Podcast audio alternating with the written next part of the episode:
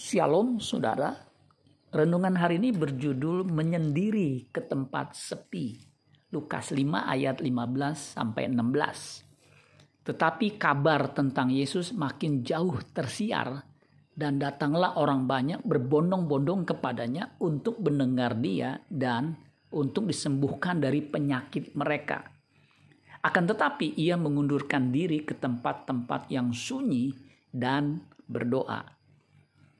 Tuhan Yesus sering berada di tempat yang sunyi untuk berdoa.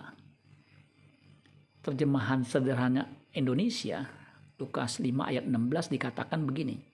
Tetapi dia sering pergi menyendiri ke tempat yang sepi untuk berdoa. Markus 1 ayat 35 juga dikatakan seperti berikut. Pagi-pagi benar, waktu hari masih gelap, ia bangun dan pergi keluar ia pergi ke tempat yang sunyi dan berdoa di sana.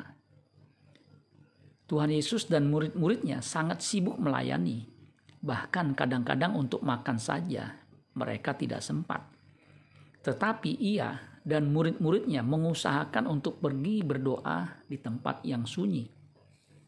Markus 6 ayat 31 dikatakan, Lalu ia berkata kepada mereka, Marilah ke tempat yang sunyi, supaya kita sendirian dan beristirahat seketika.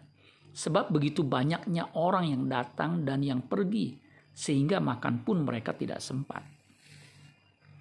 Mengapa Tuhan Yesus dan murid-muridnya sering menyendiri untuk berdoa?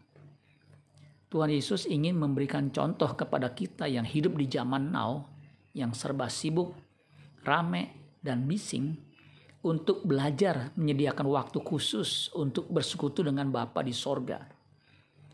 Berdoa adalah sebuah kebutuhan. Kebutuhan yang tidak bisa tidak harus kita usahakan. Apalagi di tengah pandemi COVID-19 yang hampir satu tahun akan kita lalui. Kita belum tahu kapan pandemi berakhir.